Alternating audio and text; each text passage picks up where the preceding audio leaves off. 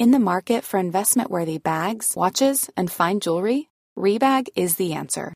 Rebag is a luxury resale platform where each piece is carefully inspected by experts to ensure quality and authenticity. Use Rebag to buy and sell finds from the world's top brands, including Louis Vuitton, Chanel, and Cartier. Head to Rebag.com and get up to 15% off your first purchase as a member with code REBAGNEW. Shop today at Rebag.com. That's R E B A G.com. And use promo code REBAGNEW for up to 15% off your first purchase as a member. One size fits all seems like a good idea for clothes until you try them on. Same goes for healthcare. That's why United Healthcare offers flexible, budget friendly coverage for medical, vision, dental, and more. Learn more at uh1.com. Hi, I'm Daniel, founder of Pretty Litter. Cats and cat owners deserve better than any old fashioned litter. That's why I teamed up with scientists and veterinarians to create Pretty Litter. Its innovative crystal formula has superior odor control and weighs up to 80% less than clay litter. Pretty Litter even monitors health by changing colors to help detect early signs of potential illness. It's the world's smartest kitty litter.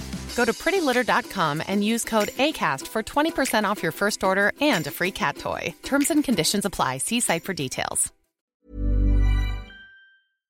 Helt siden de første menneskene slo seg ned i Trøndelag, har det blitt observert underlige lys over Hessdalen. Fenomenet har blitt forsøkt bortforklart som syner sett av bygdetullinger og deliriske hallusinasjoner forårsaket av den lokale drikkekulturen. Men det skulle vise seg at fenomenet stakk langt dypere, når Hessdalen-fenomenet fikk verdensomspennende oppmerksomhet i ufo-miljøet på 1980-tallet. Fenomenet er fremdeles der, og det er fremdeles like uforklarlig som den gang. I 2024 kommer en podkastserie i seks deler, produsert av Project Hessdalen, som kanskje en gang for alle skal finne svar på hva som rører seg på himmelen i denne bortgjemte dalen i Trøndelag. Serien har som seg hør og bør fått tittelen A Blaze in the Northern Sky, og den kommer til din favorittpodkastavspiller i 2024.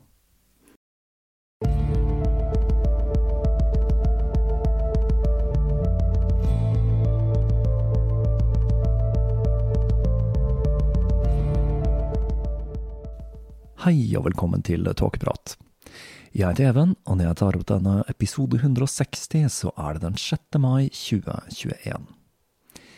Da var vi altså i gang med en ny episode, og i forkant av denne så satt jeg og tenkte på hva som har skjedd av betydning siden sist gang. Og det er ikke så veldig mye, for min del, utover jobb og podkast. Men det var to hederlige unntak. For det første så har jeg nå sikret meg jobb etter sommeren noe som er en enorm lettelse, da dette betyr at jeg ikke trenger å gå med lua i hånden til Nav og sossen. Jeg er, som jeg har sagt mange ganger, stolt av den norske velferdsstaten. Men jeg synes også det er ganske skrekkelig å måtte legge skjebnen i hendene til Arbeids- og velferdsetaten, kanskje spesielt i disse tider da ting ikke er som normalt.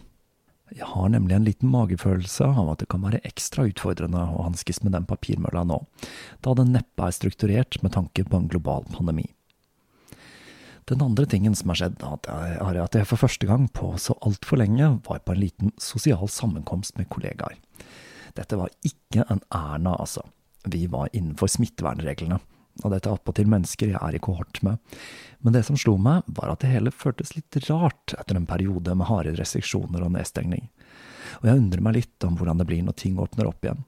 Jeg tror eksempel konserter kommer til å bli en nesten surrealistisk opplevelse, nå som vi er så indoktrinerte til å holde avstand. Moshpiten blir liksom aldri helt det samme igjen, vil jeg tro. Men nå skal vi tilbake til en tid som får vår egen samtid og pandemi til å virke som det paradiset kirken kunne friste sine tilhengere med.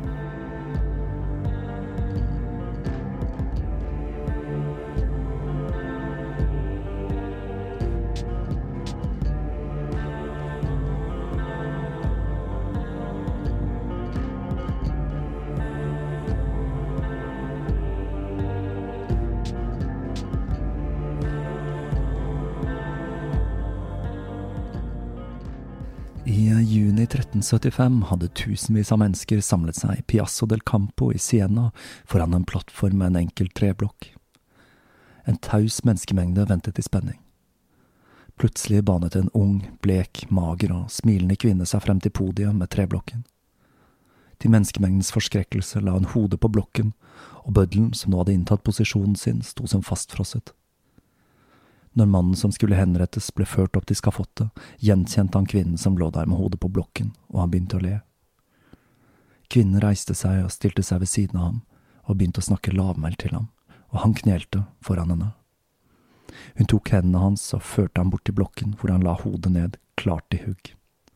Jesus, sa han, før bøddelens øks skilte hodet fra kroppen som datt ned i hendene til Katarina av Siena. Foreldrene til Katarina hadde et skikkelig ungdomsopprør å hanskes med.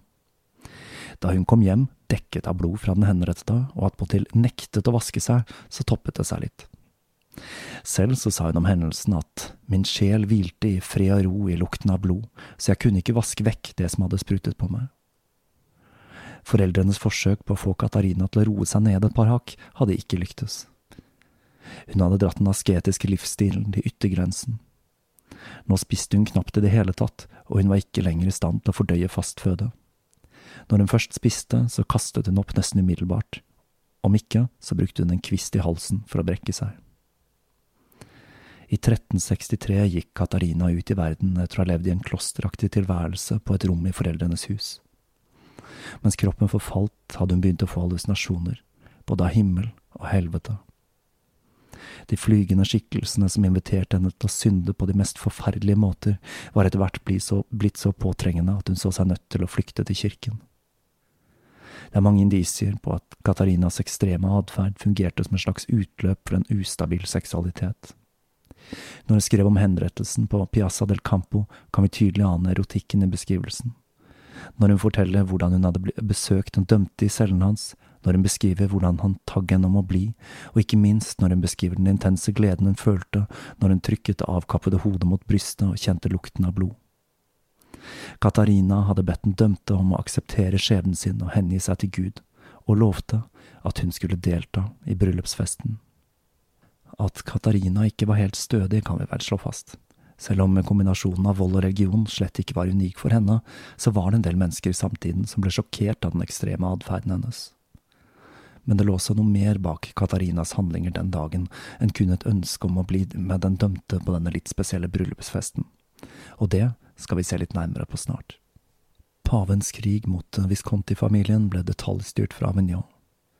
Den 14. mars 1337 samlet pavens styrker seg under ledelsen til den grønne greven utenfor portene til Milano. Bernabou var omringet, og situasjonen ble mer og mer anspent. For å forsøke å bedre oddsene sendte Bernabo ambassadører til Håkud sin leir, i håp om at de kunne kjøpe ham over på sin side. Men disse budbringerne ble oppdaget av pavens agenter, noe som gjorde at paven skrev til leiesoldatene at han hadde hørt at de nå hadde begynt å forhandle med tyranner og fiender av Gud, og han beordret dem til ikke å snakke med utsendinger fra Milano. Men ryktene om at det foregikk forhandlinger, fortsatte å strømme inn til Avignon, så paven skrev et nytt brev, der han truet med ekskommunikasjon om dialogen med fienden fortsatte. Selv om dette neppe skremte Hawkwood noe særlig, ettersom han hadde blitt ekskommunisert en rekke ganger allerede. Bernabos forsøk på å få leiesoldatene over på sin side skulle feile, og Visconti led flere nederlag på slagmarken i løpet av juni og juli. I august skulle Bernabo bli rammet av en personlig tragedie da sønnen hans, Ambrogio, ble regelrett revet i stykker av lokalbefolkningen i Bergamo. Samtidig hadde pavens styrker beleiret Piacenza, og ting så lyst ut for kirkens styrker. Fram til den grønne greven plutselig ble syk, og hæren med det mistet en av sine fremste kapteiner. Så skulle pendelen svinge den andre veien. Et tungt regnskyll kom, og med det fulgte flom. Visconti benyttet anledningen til å angripe pavens soldater, og med den miserable stemningen som fulgte, så begynte anti-Visconti-kampanjen å gå i oppløsning, og lederne dro sin vei alle, bortsett fra John Hawkwood. Men Hawkwood hadde en utfordring. Han hadde nemlig enda ikke fått betalt av paven, og han var ikke tilfreds med løfter om frelse og synsforlatelse. Istedenfor penger så fikk han noe eiendom, og en ting til. Han fikk paven til å legitimere bastardsønnen sin, som selvsagt også het John. Som vi husker, så kom John Hawkwood fra en familie der alle het John. Hawkwood hadde nemlig fått en sønn utenom ekteskapet en gang imellom 1353 og 1356, og han hadde beholdt kontakten med denne sønnen, og mye sannsynlig støttet han økonomisk. Det siste vi vet om John, sønnen av John, broren til John, sønnen av John, er at han ble tatt inn i kirkens tjeneste den 23. januar 1376. Hawkwood befant seg i en situasjon med lite å ta seg til når pavens kampanje fislet ut i ingenting. Det var fremdeles krig, men den var blitt mer uoversiktlig enn noen gang, med skiftende allianser i en fragmentert affære der man sto seg selv nærmest. Dette var en krig uten vinnere, som kun profesjonelle leiesoldater fikk noe ut av. Paven, som hadde håpet å knuse Visconti-familiens grep, så seg til slutt nødt til å undertegne en fredsavtale i juni 1374. Det var på grunn av at en gammel kjenning, svartedauden, hadde meldt sin ankomst igjen. Den dukket opp i Sør-Frankrike i 1373, hvor ti kardinaler døde av sykdommen, før den spredde seg videre til Italia, hvor den gjorde enorme innhugg i befolkningen i mars og oktober 1374. Ingen ble spart for pestens herjinger, verken ung eller gammel. Blant de døde var blant annet åtte nevøer og nieser til Katarina av Siena. En ulykke kommer sjeldent alene, og etter pesten kom hungersnød. 1374 blir omtalt av italienske skrivere som Anno della fame, eller sultens år. Ting var i det hele tatt generelt kjipt, med flom, pest og hungersnød, i tillegg til omflakkende bander med leiesoldater som plyndret, voldtok, brant og etterlot seg landsbyer i ruiner. Midt oppi all denne herligheten stålsatte Firenze seg for å beholde sin autonomitet. Firenze var en svært velstående by, som kunne skilte med hele 80 banker, og staten disponerte mer penger enn de fleste konger, den romerske keiseren og til og med en paven. Som vi har vært inne på tidligere i serien, så ga denne velstanden seg utslag både i motebildet, arkitektur og ikke minst i den blomstrende prostitusjonsindustrien. Men det var én ting som plaget presteskapet enda mer enn snabelsko og kjoler med bare bryst. Og det var den gang som i dag homofili. Jeg har litt problemer med å forstå denne besettelsen enkelte kristne har med homofili. Man skulle jo tro at Bibelen kun handlet om hvor ille det er å være homofil. Men sannheten er jo at dette er en synd som så vidt er nevnt, og er sidestilt med ting som å spise skalldyr og gå med to ulike typer stoff.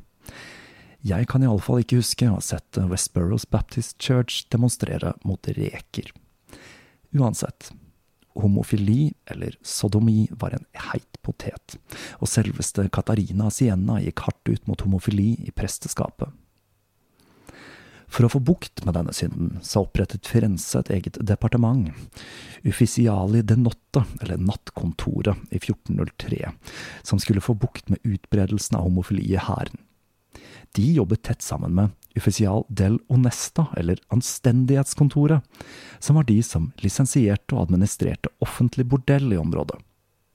Dette ble sett på som en fin taktikk for å stoppe utbredelsen av homofili, og kvinner med den karakteristiske bjellen på hodet var et svært vanlig syn. I tillegg ble det gjennomført en rekke tiltak for å øke antallet giftermål og fødsler. Ungkarer over 30 fikk en straffeskatt, og det ble også innført en rekke lover for å forhindre kvinnelig ekstragavanse, noe som ble sett på som en hindring for ekteskap. Det var uansett klart at hæren til Firenze ikke klarte å gi den militære beskyttelsen staten trengte, og de innså at de måtte ansette leiesoldater om de skulle klare å forsvare sitt hegemoni. Men de var den eneste italienske bystaten som hadde styrt unna John Hawkwood, og de hadde kun betalt ham for at han skulle holde seg unna. Med fredsavtalen i 74 avsluttet paven offisielt kontrakten med Hawkwood, som nå marsjerte inn i Toskana. Han startet med å presse Siena, og fortsatte med Pisa, Lucca, Arezzo og Montepulciano. Firenze forsøkte å trekke ut forhandlingene så lenge som mulig, men i juni 1375 fikk ambassadørene beskjed om å fremforhandle en avtale med Det hvite kompaniet for enhver pris. Og en pris, det skulle de få. 130 000 floriner som skulle betales i fire deler, mot en ikke-angrepsavtale som skulle vare i fem år. Totalt klarte Hawkwood å skrape sammen 225 000 floriner på under seks måneder. For å klare å betale kompaniet måtte Firenze innføre en ekstra skatt på innbyggerne, og de som ikke hadde råd til å betale denne, ble tvunget til å selge eiendelene sine. Selv snabelskoene måtte gå om man ikke kunne betale. En stor del av disse skattene falt på presteskapet, som ba om økonomisk støtte fra paven, noe de fikk, for dette dreide seg om lureri. Hawkwood var egentlig fremdeles under pavens kontroll. Etter alliansen mot Visconti hadde feilet, bestemte han seg for å sende Hawkwood til Toskana for å destabilisere regionen politisk og økonomisk. I mai 1374, under den store hungersnøden, hadde paven bedt innbyggerne i Firenze legge bort stoltheten sin og vende tilbake til den gamle veien. Samtidig fulgte flom og en runde med pest som tok livet av 7000 innbyggere. For å forsøke å sulte befolkningen til underkastelse, beordret kardinal Guillamé di Nolette Boulogne å stoppe all handel med byen, siden dette var den viktigste kilden til korn til Firenze. Tanken var at dette skulle presse byen forbi smertegrensen og føre til opptøyer, men den gang ei. Firenze klarte å kjøpe korn fra en annen selger, og de klarte seg gjennom sommer, høst og vinter, før Hawkwood dukket opp og begynte å brenne avlinger. Firenze sendte et sendebud til kardinalen Nolette, som sa at Hawkwood ikke lenger var i kirkens tjeneste, og viste dem en forfalsket opphevelse av kontrakten til Hawkwood. Og med det så gikk de direkte til Hawkwood selv, og endte altså opp med å betale disse 130 000 florinene. Kardinal Nolette hadde tenkt å få Hawkwood til å okkupere Prato, hvor han allerede hadde agenter på innsiden, men siden Hawkwood ikke ville risikere å miste disse 130 000, så forrådte han kirken og fortalte om planene til Firenze, noe som førte til pågripelsen av to agenter som ble torturert og begravet levende med hodene ned.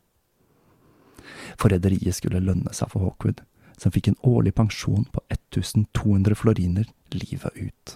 Nå skulle Firenze begynne å rasle med sablene for å komme kirken til livs, og de satte sammen et krigsråd, Gliotto Santi, eller De åtte helgenene, og den 24. juli 1375 inngikk de en allianse med Bernabo Visconti, før de henvendte seg til de andre republikkene i Toskana for å danne en antipaveliga.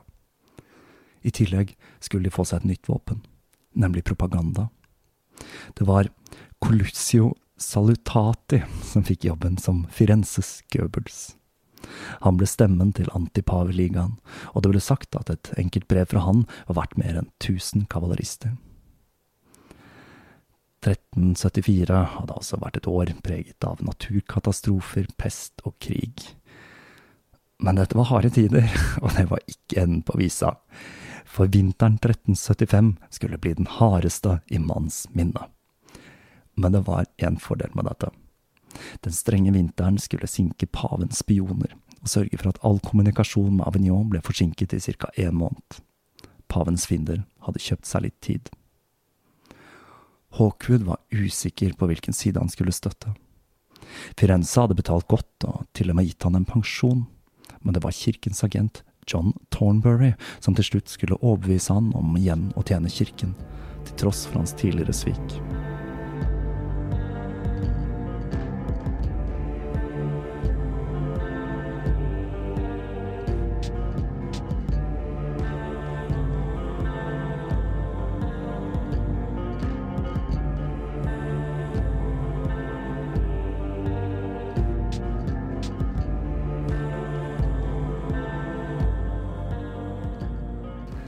I november ble Det hvite kompaniet stasjonert i Perugia, som ble styrt av en slektning av paven, Gerard Dupuy.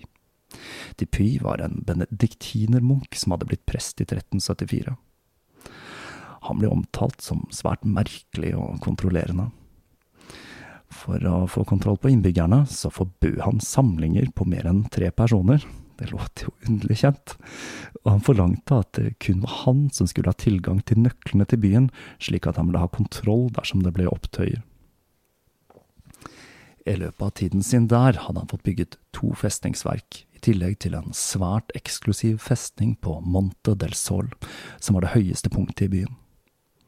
Han sparte ikke på noen ting når han bygde denne festningen, som besto av en rekke bygninger, tårn og en egen residens til paven. Den overdådige luksusen kostet mellom 240 og 300 000 floriner, som var mer enn det dobbelte Avignon selv hadde brukt på forsvarsverk. For å betale for herligheten så økte han skatten i Perugia.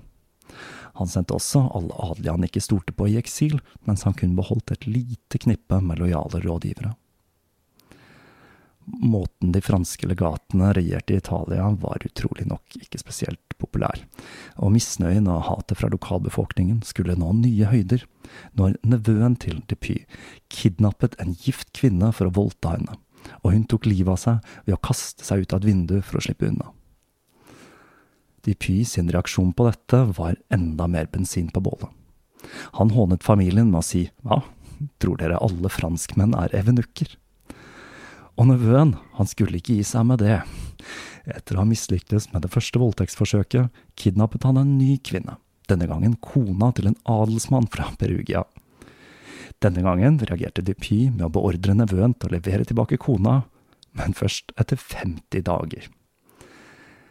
Det ble for mye for befolkningen, som allerede var tynt til bristepunktet av sult, pest og krig, og nå også nevøer som ikke klarte å styre testosteronet sitt. Den 3. desember begynte opptøyene i Citta di Castello, en liten by som tilhørte Perugia. De Py sendte Hawkwood og Det hvite kompaniet for å knuse opprøret, men det skulle vise seg å være en fatal feil. Når Hawkwood forlot Perugia med en stor del av styrkene sine, så befolkningen sitt snitt til selv å gjøre opprør. Og den 6. desember bevæpnet de seg med hva enn de kunne finne. Den militære rådgiveren til Depy, som var Gomez Alborons, nevøen til den nylig avdøde, med kjente Alborons, samlet troppene sine neste morgen. Men innså If you're looking for plump lips that last, you need to know about Juvederm lip fillers. With Juvederm Volbella XC and Juvederm Ultra XC, your lip look, whether it's subtle or bold, can last up to one full year with optimal treatment and no additional maintenance. Find a licensed specialist and see if it's right for you at Juvederm.com today. That's J U V E D E R M.com. Add fullness to lips in adults over 21 with Juvederm Volbella XC or Juvederm Ultra XC. Do not use if you have severe allergies or a history of severe allergic reactions, or if you're allergic to lidocaine or the proteins used in Juvederm. Tell your doctor if you have a history of scarring or taking medicines that decrease the body's immune response or that can prolong bleeding. Common side effects include injection site redness, swelling, pain, tenderness, firmness, lumps, bumps, bruising, discoloration, or itching. As with all fillers, there's a rare risk of unintentional injection into a blood vessel, which can cause vision abnormalities, blindness, stroke, temporary scabs, or scarring. For full important safety information, visit juvederm.com. Hiring for your small business? If you're not looking for professionals on LinkedIn, you're looking in the wrong place. That's like looking for your car keys in a fish tank. LinkedIn helps you hire professionals you can't find anywhere else, even those who aren't actively searching for a new job but might be open to the perfect role. In a given month, over 70% of LinkedIn users don't even visit other leading job sites. So start looking in the right place. With LinkedIn, you can hire professionals like a professional. Post your free job on linkedin.com slash people today. At den elleville mobben med sine rop om lenge leve folket, død av abbeden og kirkens prester kom til å rive dem i stykker. Og han beordret en retrett i festningen hvor allerede Dupy, rådgiveren hans, samt 1500 leiesoldater hadde samlet seg. Hvorfor leiesoldatene ikke hadde grepet inn, er et lite mysterium. Men det kan tenkes at de ventet på en direkte ordre fra Hawkwood før de følte seg helt sikre om hvilken side de var på. Opprørerne grep anledningen til å beleire festningen, og de avskjærte alle fluktmuligheter ved å brenne broen og sperre utgangene med stein. Folket hadde vunnet mot tilsynelatende umulige odds, og de valgte et eget krigsråd og erklærte at alle innbyggere, uavhengig av status, hadde de samme rettighetene, før de da sendte fem ambassadører til Firenze for å be om forsterkninger. Dupy hadde ansatt en spesialist på krigsmaskiner som var tenkt å bygge katapulter for ham, men han hadde blitt igjen på utsiden av festningen under opptøyene, og sa seg mer enn villig til å bygge katapulter for opprørerne. Disse katapultene, som vi husker fra serien om katarene, som var verktøyet som skulle knuse skallen til den mye forhatte Simone de Montefort, kunne lades med ulik ammunisjon, som stein, ildkuler og ikke minst med kadaver, som ikke bare hadde en psykologisk effekt, men som også kunne spre sykdom. Og her følger det mest spennende, om ikke det minst nyttige fun factet fra denne serien. Det mest aerodynamiske dyret å katapultere, det er grisen. Dag og natt ble Dupuy og soldatene hans bombardert med katapulter konstruert av eksperten han selv hadde ansatt. Men det skulle vise seg at festningen til Dupuy var ugjennomtrengelig. Uansett hvor ukoselig det ble for de som ble bombardert med svin på innsiden. Så Perugia sendte ut sendebud for å rekruttere befolkningen fra landsbygda, mens de begynte å grave ut vollgraver rundt festningen og begynte å konstruere beleiringstårn. I mellomtiden hadde de perugianske ambassadørene kommet frem til Firenze, hvor nyheten om opprøret ble tatt imot med stor glede av de åtte helgenene. Og den 9. desember kom de tilbake til Perugia med 500 lanser samt en god del infanteri. Hawkwood hadde kommet for sent til Citta di Castello for å knekke opprøret. 50 av pavens soldater hadde blitt drept, og når Hawkwood nærmet seg, strømmet innbyggerne ut av porten, og han så seg nødt til å trekke seg tilbake og red mot Wittebro. Når han, ankom den 6. desember, oppdaget han at innbyggerne der også hadde gjort opprør, og var klare for et angrep. Og etter å ha lidd betydelige tap, så han seg nødt til å gjøre retett enda en gang, og slo til slutt leir i Ponte San Giovanni. Nå var gode råd dyra, og Hawkwood bestemte seg for igjen å satse på politikk. Han tilbød seg å megle mellom den belærede abbeden og opprørerne, til Firenzes store forferdelse. Det var nemlig ikke bare bare å belære festningen, for Dupy hadde byens forsyninger på innsiden av murene. Og slik gikk det til at det ble utarbeidet en avtale, der Dupy overlot festningen og matlageret til perugianerne i bytte mot livet til seg og sine. Midt oppi dette skjedde noe litt underlig. En ambassadør fra paven kom til Perugia for å utnevne Dupy til kardinal for innsatsen hans noe som illustrerer hvor treg kommunikasjonen med Avignon var. Men Dupy han ble kardinal, han, før han den 1. januar ble ført ut av festningene Hawkwood og en livgarde bestående av 30 engelske kavalerister. Perugianerne skrek skjellsord til Dupy og stjal bagasjen hans, men han var heldig som ikke ble lynsjet da, i det minste. Følget stoppet opp ved klosteret San Martino i Campo. Dupy hadde mistet alt han eide, og med det så hadde han ingenting å betale Hawkwood med, som reagerte med å ta han som gissel frem til han fikk tatt betalt for jobben i Perugia. Etter ti dager red Hawkwood med den nye kardinalen til Rimini, hvor han overlot ham i varetekten til Galetto Malatesta, med instruksjoner om å ikke slippe ham fri før det var blitt betalt 130 000 floriner i løspenger. Jeg må jo si det virker litt som om Hawkwood var opphengt i dette tallet 130 000. I Perugia feiret de sin nyvunne frihet med å slette alle spor etter den forhatte Depy. Festningen ble revet, og i god tradisjon så slo de nye mynter, slik at de kunne handle uten å bli minnet på grepet kirken hadde hatt over dem. Ryktet om hvordan innbyggerne i Perugia hadde klart å kaste ut Depy og soldatene hans med så å si ingen tap av liv, spredde seg som ille tørt gress, og i by etter by startet nye opprør som kastet ut pavens legater. Og dette tok helt av. I 1375 hadde kirken kontrollert 64 byer og 1576 festningsverk. Innen mai 1376 satt de kun igjen med Rimini og Cesena.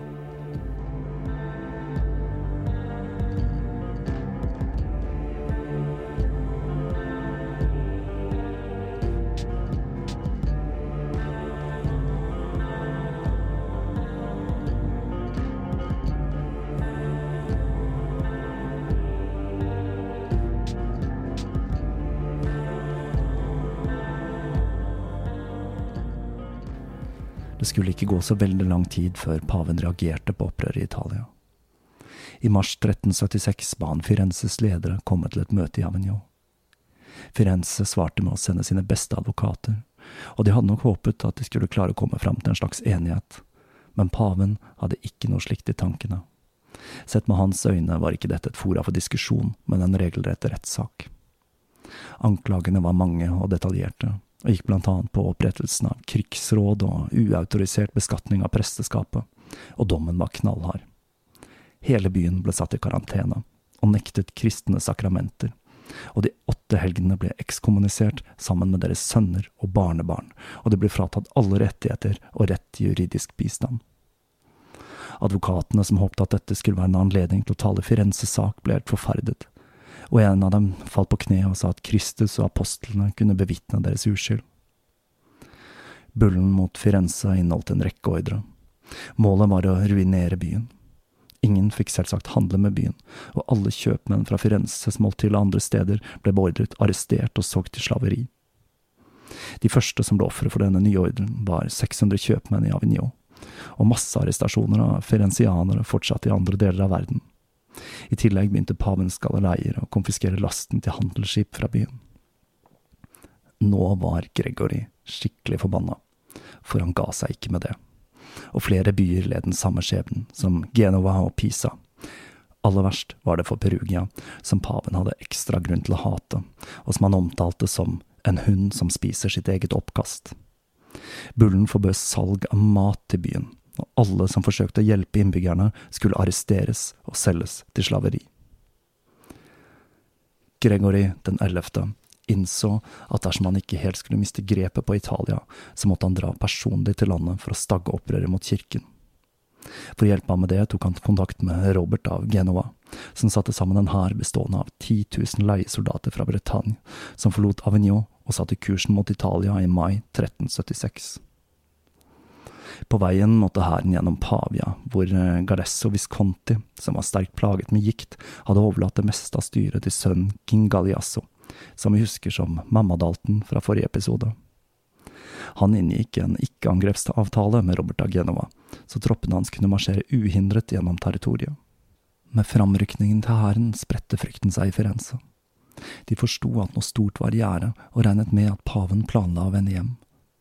For å forberede seg på krig innførte de ekstraordinære skatter på befolkningen, og dette gikk, forståelig nok, hardest utover presteskapet og kirken i så stor grad at dette er blitt omtalt som den største likvideringen av kirkelig eiendom før reformasjonen.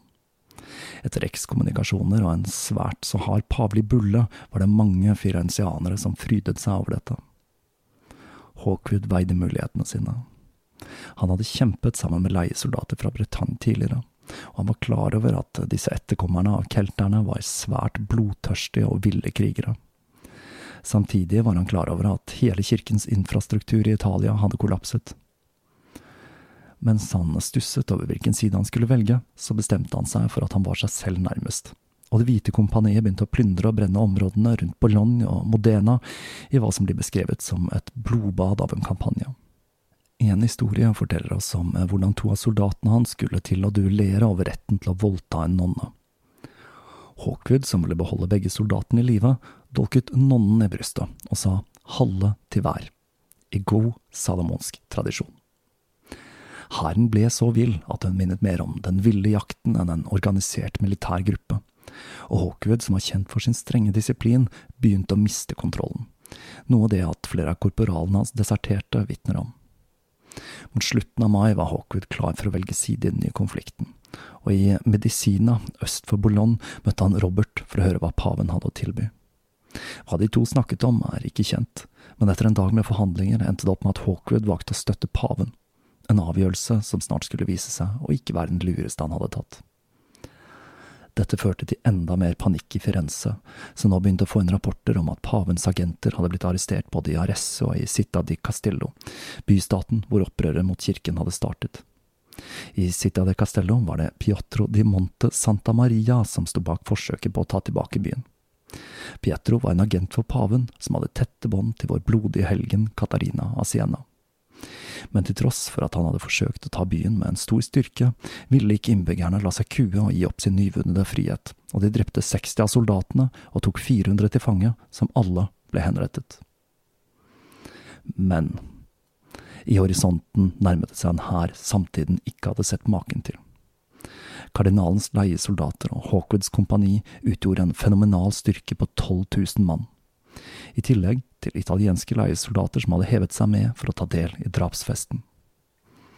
Med en slik fenomenal hær på sin side så Gregory endelig sitt snitt til å forlate Avignon, noe som ikke uventet førte til fortvilelse blant kardinalene, som nå igjen måtte tåle å se byen bli forvandlet fra en verdensmetropol til kun en vanlig provinsby. Overfarten til Italia skulle vise seg å bli utfordrende. Kort fortalt så ble pavens flåte rammet av flere kraftige stormer, som blant annet kostet biskopen av Lun i livet, og tre av kardinalene døde av en mystisk sykdom. Man skulle kanskje tro at paven ville ta dette som et tegn fra Gud på at turen til Italia var en dårlig idé, men nei da, pavens beskjed var hold motet oppe, Disse ulykkene er tegn på en stor seier. Om midnatt den 17. januar ankom paven Roma, hvor han falt på kne foran graven til Sankt Peter. Alle bystatene i Toskana sendte sendebud til paven for å forhandle om fred. Eller egentlig så var det nok ikke det de gjorde, for de krevde tre millioner floriner for å begrave stridsøksa. En sum som var så astronomisk at det var helt utenkelig at paven, som sa at han heller ville bli flådd levende enn å gå med på avtalen, skulle gå med på den. Samtidig kom Katarina Siena til Roma, og hun ba på vegne av Italia, og ba paven forsøke å overvinne folket med godhet, kjærlighet og fred. Men Gregory hadde helt andre planer, og snart skulle Italia bli utsatt for et av middelalderens mest brutale folkemord. Det hele startet som en liten krangel.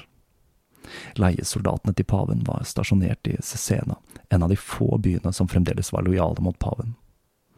Mens kapteinene bodde i selve byen, var resten av hæren stasjonert utenfor, og de fikk kun komme innenfor bymurene i små grupper. Men det var trøbbel i gjerdet. Det var vinter, og de begynte å gå tomme for forsyninger. Den omkringliggende landsbygda hadde allerede blitt plyndret så grundig at det var lite å hente der. Den første februar forsøkte en av soldatene å stjele kjøtt fra en slakter i byen. Det skulle han ikke ha gjort, for slakteren angrep soldaten, og en menneskemengde samlet seg for å støtte ham, noe som førte til at flere leiesoldater ble drept. Robert Agenova holdt til i Rocca Murata, et festningsverk som lå på et naturlig klippeutspring over byen. Når han hørte om hendelsen, sa han at dersom folket la ned våpnene sine og ga dem 50 gisler, så skulle han glemme hele affæren. Befolkningen gikk med på avtalen, og for å berolige dem ytterligere, så gjorde han et stort nummer av å sende vekk Hawkwood og soldatene hans, som hadde blitt kalt tilbake fra Faenza, en by de på brutalt vis hadde fått til å underkaste seg kirken. Men Robert sendte en hemmelig beskjed til Hawkwood like etterpå, hvor han ba han snu hæren og ba han få dem til å innta strategiske posisjoner utenfor byen, mens Hawkwood selv og livguiden hans dro til festningen hvor Robert kom med instruksjoner. Det finnes litt forskjellige versjoner av hva som ble sagt mellom de to. I en versjon var det Hawkwood den som presset på for å starte et blodbad, og i en annen var det kardinalen. Men uansett hvem det var som tok til orde for å slakte hele befolkningen, så var det akkurat det som var i ferd med å skje. Natten mandag 2. februar, selveste Kindles messe, stormet tusenvis av leiesoldater gjennom byportene. Lyden av horden som var væpnet i tennene, fikk folk til å forlate sengene sine for å se hva som var på ferde. Straks de gikk ut av husene sine, ble de systematisk ekspedert. Byen ble satt i brann, og gatene begynte å fylles opp med hauger av lik og døende. De som forsøkte å flykte, oppdaget raskt at alle portene var blitt stengt, men noen klarte å bryte seg gjennom porten som var nordøst i byen. Men gleden til de hundrevis som flyktet ut der, ble kortvarig, for på utsiden ventet det leiesoldater i bakhold. Det samme skjedde når de klarte å bryte ned en annen port. Grufulle scener utspant seg, Barn ble tatt fra sine mødres armer og kuttet i småbiter. En liten gutt som hadde gjemt seg under alteret i kirken, ble dratt frem, drept og etterlatt på alteret. Nedslaktingen varte i hele tre dager og tre netter, og allerede mens massakren holdt på, begynte hunder å spise på likene. Kvinner ble tatt som sexslaver, og tusen barn ble tatt som gisler. Mange ble torturert i et forsøk på å finne ut hvor de skjulte verdisakene sine, og tusenvis av mennesker ble henrettet. Menn, kvinner, barn og spedbarn, ung som gammel. Byen ble fullstendig rasert. Alle offentlige bygninger ble ødelagt og alle nedtegnelser brent, noe som gjør at arkivene i Cesena i dag ikke inneholder et eneste dokument som er datert før massakren. Totalt mistet ca 6000 mennesker livet i løpet av de tre dagene. Likene ble kastet i massegraver, vannsisterner eller brent. I kjølvannet av massakren skulle følge en hungersnød som var så ekstrem at de gjenlevende måtte ty til kannibalisme og når nyheten om hva som hadde skjedd spredde seg til resten av Italia, ble ikke akkurat holdningen mot kirken noe bedre enn hva den hadde vært. De aller fleste i samtiden tok sterk avstand fra folkemordet, men ikke paven, så spørsmålet er om Robert handlet på direkte ordre fra høyeste hold. Det var nemlig en gruppe munker som hadde blitt drept under massakren, men kun én type, og det var fransiskanermunkene, eller Gråbrødrene, som med sitt syn om at fattigdom var Kristus og apostlenes rette vei, lenge hadde vært en torn i den griske kirkens øye, og hadde gjort at pave Johannes den 22. hadde erklært munkeorden som en kjettersk sekt i 1317. Fransiskanerne på sin side var voldsomme motstandere av paven, og omtalte Avignon som djevelens synagoge. Men fransiskanerbrødrene var svært så populære blant folk i Italia, spesielt blant dem som hadde blitt ofre for pavens bulle etter opprøret. Opptogene til fransiskanerne, som besto av flagellanter som pisket seg selv mens de gikk i prosesjon, var veldig populære, og under et slikt opptog i Firenze samlet det seg mer enn 5000 flagellanter, i tillegg til 20 000 som bare var med i opptoget. Selv de tradisjonelt grådige kjøpmennene i byen støttet munkene. Cesena hadde lenge vært et arnested for fransiskanere, og inkvisitorene hadde torturert og brennmerket flere munker i byen. Det at ingen fra andre religiøse ordener ble rørt under folkemordet, kan tyde på at dette var et målrettet angrep for å knekke en religiøs orden som var en slags spirituell spydspiss i kampen mot paven. Historikere har i ettertid forsøkt å glatte over Hawkwood sin rolle i massakren, og skrevet at han syntes hele affæren var avskyelig men det fins ingen bevis for dette. Vi vet derimot at han spilte en aktiv rolle i å organisere nedslaktingen. Og om det var noe han syntes var avskyelig, så må det være at kirken fremdeles skyldte han betydelige summer. Og nå begynte han for alvor å vurdere å returnere til hjemlandet.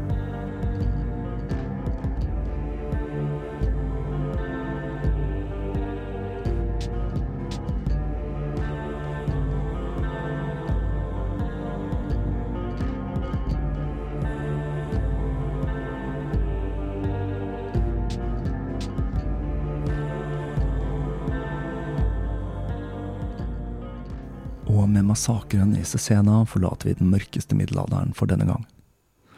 Hawkwood sitt liv skulle bli romantisert, og en modell for ridderlighet.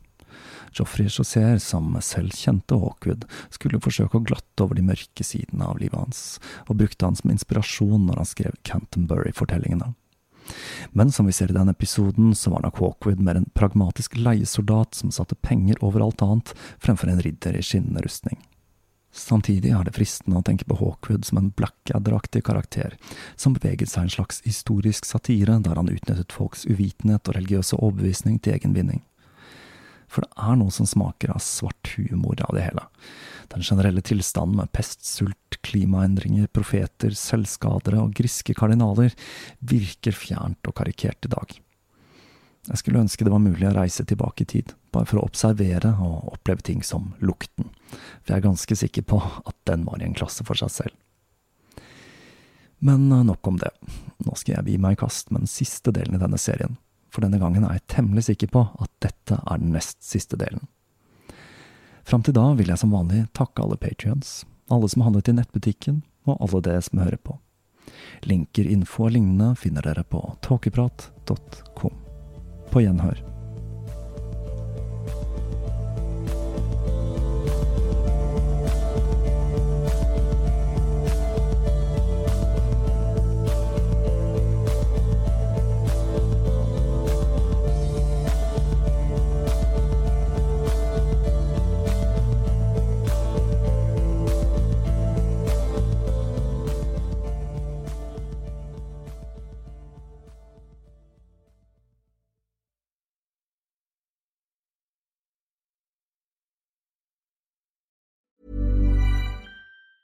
Hi, I'm Daniel, founder of Pretty Litter. Did you know cats tend to hide symptoms of sickness and pain? I learned this the hard way after losing my cat, Gingy. So I created Pretty Litter, a health monitoring litter that helps detect early signs of illness by changing colors, saving you money and potentially your cat's life. Pretty Litter is veterinarian developed, and it's the easiest way to keep tabs on your fur baby's health right at home. Go to prettylitter.com and use code ACAST for 20% off your first order and a free cat toy. Terms and conditions apply. See site for details. When you make decisions for your company, you look for the no brainers. And if you have a lot of mailing to do, stamps.com is the ultimate no brainer. It streamlines your processes to make your business more efficient, which makes you less busy. Mail checks, invoices, legal documents, and everything you need to keep your business running with stamps.com. Seamlessly connect with every major marketplace and shopping cart. Schedule package pickups and see your cheapest and fastest shipping options from different carriers with rates up to 89% off USPS and UPS rates. And with the stamps.com mobile app, you can take care of mailing and shipping wherever you are. Make the same no-brainer decision as over 1 million other businesses with stamps.com. Sign up with code program for a 4-week trial plus free postage and a free digital scale. No long term commitments or contracts. That's stamps.com. Code program.